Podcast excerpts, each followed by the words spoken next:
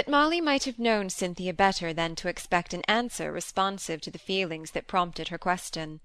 Let Cynthia be ever so proud, ever so glad, or so grateful, or even indignant, remorseful, grieved, or sorry, the very fact that she was expected by another to entertain any of these emotions would have been enough to prevent her expressing them. I'm afraid I am not as much struck by the wonder of the thing as you are, Molly.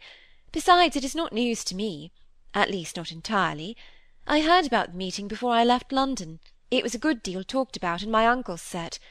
To be sure, I didn't hear all the fine things they say of him there, but then, you know, that's a mere fashion of speaking, which means nothing. Somebody is bound to pay compliments when a lord takes the trouble to read one of his letters aloud. Nonsense, said Molly. You know you don't believe what you are saying, Cynthia.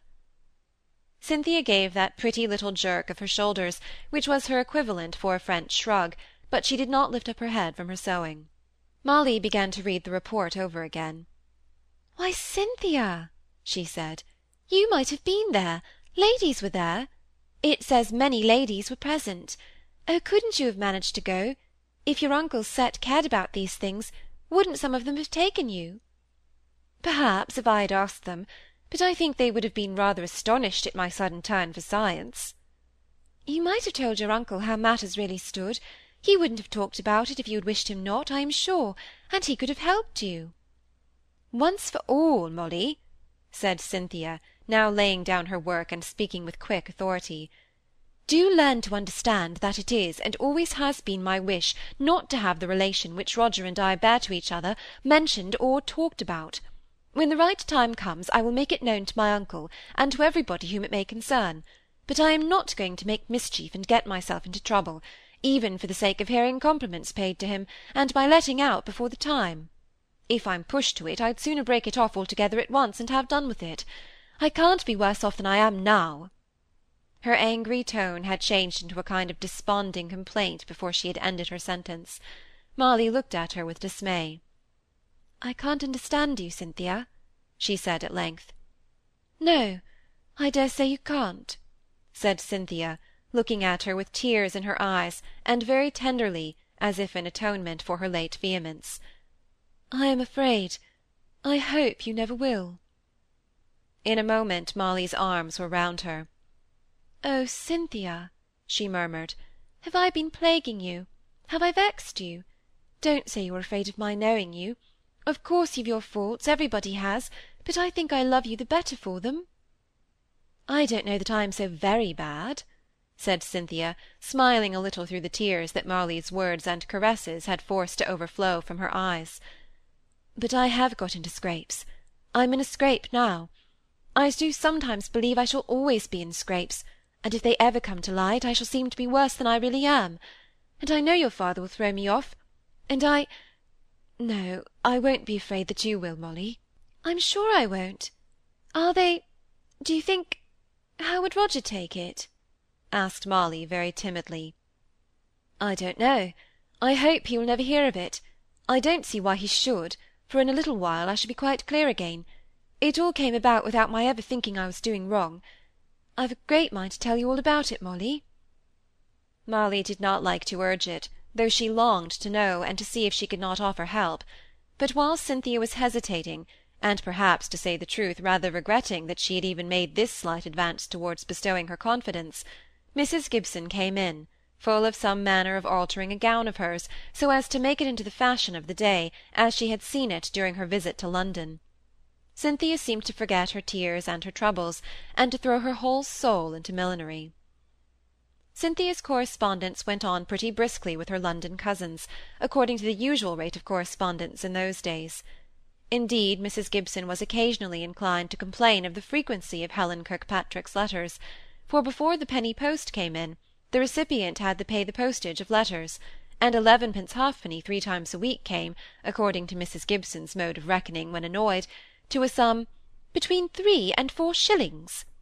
But these complaints were only for the family; they saw the wrong side of the tapestry. Hollingford in general, Miss Brownings in particular, heard of dear Helen's enthusiastic friendship for Cynthia, and of The real pleasure it was to receive such constant news, relays of news, indeed, from London. It was almost as good as living there. A great deal better, I should think, said Miss Browning, with some severity for she had got many of her notions of the metropolis from the British essayists, where town is so often represented as the centre of dissipation, corrupting country wives and squires' daughters, and unfitting them for all their duties by the constant whirl of its not always innocent pleasures. London was a sort of moral pitch, which few could touch and not be defiled. Miss Browning had been on the watch for the signs of deterioration in Cynthia's character ever since her return home but, except in a greater number of pretty and becoming articles of dress, there was no great change for the worse to be perceived. Cynthia had been in the world, had beheld the glare and glitter and dazzling display of London, yet had come back to Hollingford as ready as ever to place a chair for Miss Browning, or to gather flowers for a nosegay for Miss Phoebe, or to mend her own clothes. But all this was set down to the merits of Cynthia, not to the credit of London town. As far as I can judge of London," said Miss Browning, sententiously continuing her tirade against the place, "it's no better than a pickpocket and a robber dressed up in the spoils of honest folk. I should like to know where my Lord Hollingford was bred, and Mr. Roger Hamley. Your good husband lent me that report of the meeting, Mrs. Gibson, where so much was said about them both, and he was as proud of their praise as if he had been akin to them, and Phoebe read it aloud to me, for the print was too small for my eyes, she was a good deal perplexed with all the new names of places, but I said she had better skip them all, for we had never heard of them before, and probably should never hear of them again. But she read out the fine things they said of my lord, and Mr. Roger, and I put it to you, where were they born and bred? Why, within eight miles of Hollingford. It might have been Molly there, or me, it's all a chance.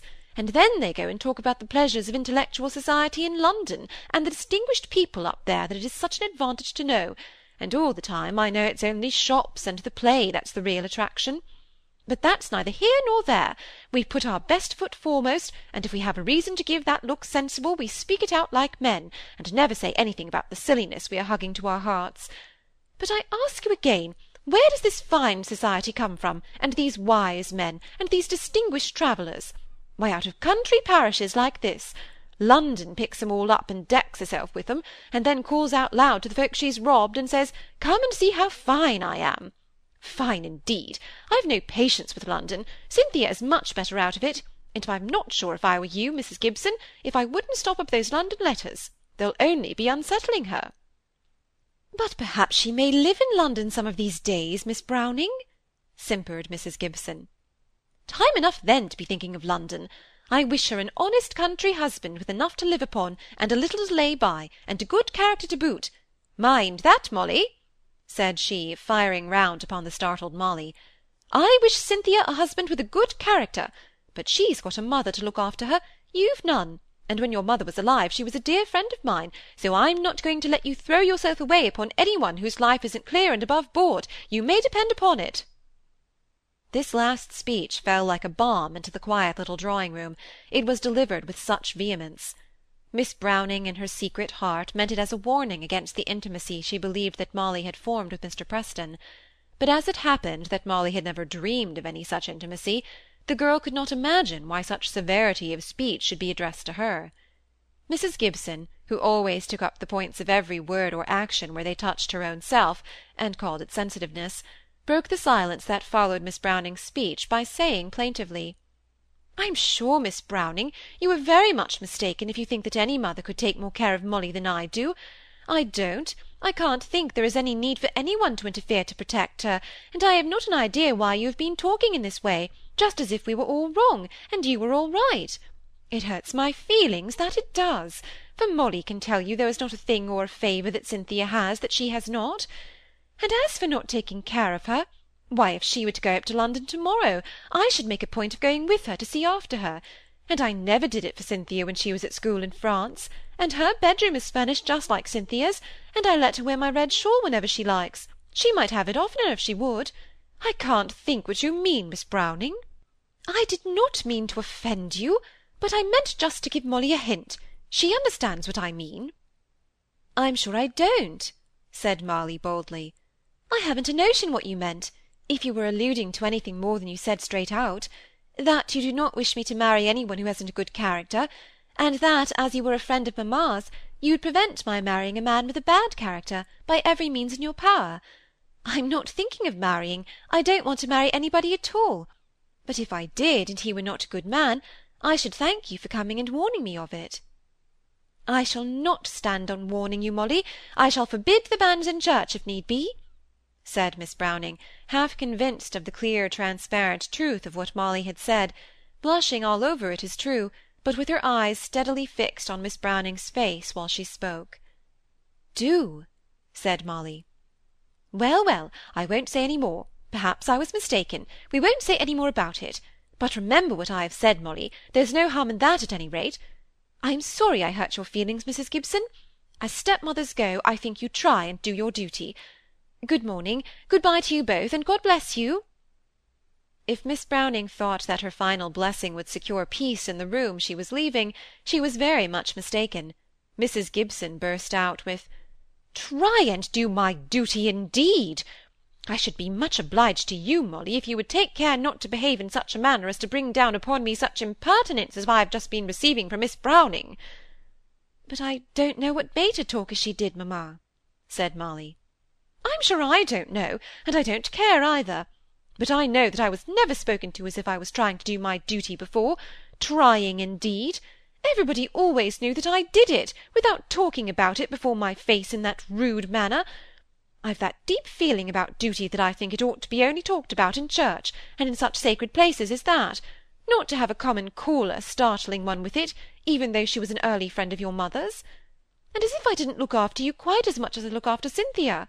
Why, it was only yesterday I went up into Cynthia's room and found her reading a letter that she put away in a hurry as soon as I came in, and I didn't even ask her who it was from, and I'm sure I should have made you tell me. Very likely.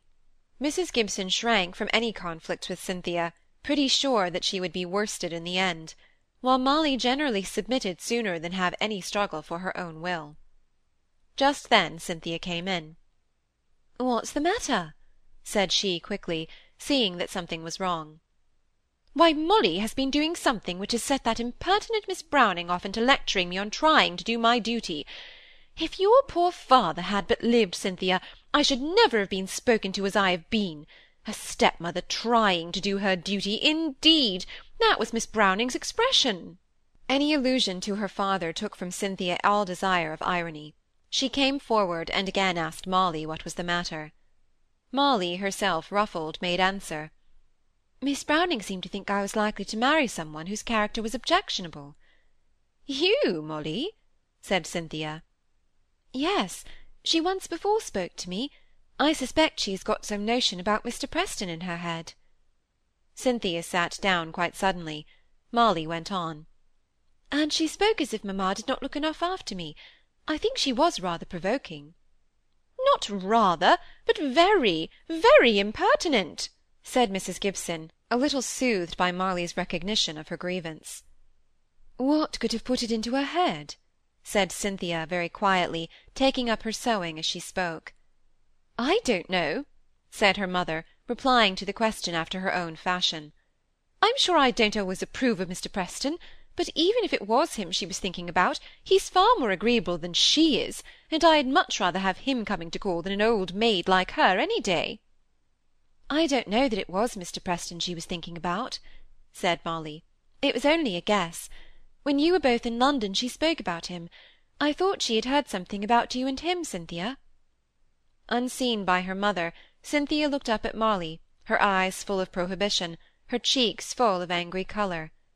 Molly stopped short suddenly. After that look she was surprised at the quietness with which Cynthia said almost immediately, "Well, after all, it is only your fancy that she was alluding to Mr. Preston, so perhaps we had better not say any more about him. And as for her advice to mamma to look after you better, Miss Molly, I'll stand bail for your good behaviour, for both mamma and I know you're the last person to do any foolish things in that way. And now don't let us talk any more about it. I was coming to tell you that Hannah Brand's little boy has been badly burnt, and his sister is downstairs asking for old linen. Mrs. Gibson was always kind to poor people, and she immediately got up and went to her stores to search for the article wanted. Cynthia turned quietly round to Molly. Molly, pray don't ever allude to anything between me and Mr. Preston, not to mamma, not to any one. Never do. I've a reason for it. Don't say anything more about it, ever. Mrs. Gibson came back at this moment, and Molly had to stop short again on the brink of Cynthia's confidence; uncertain, indeed, this time whether she would have been told anything more, and only sure that she had annoyed Cynthia a good deal. But the time was approaching when she would know all.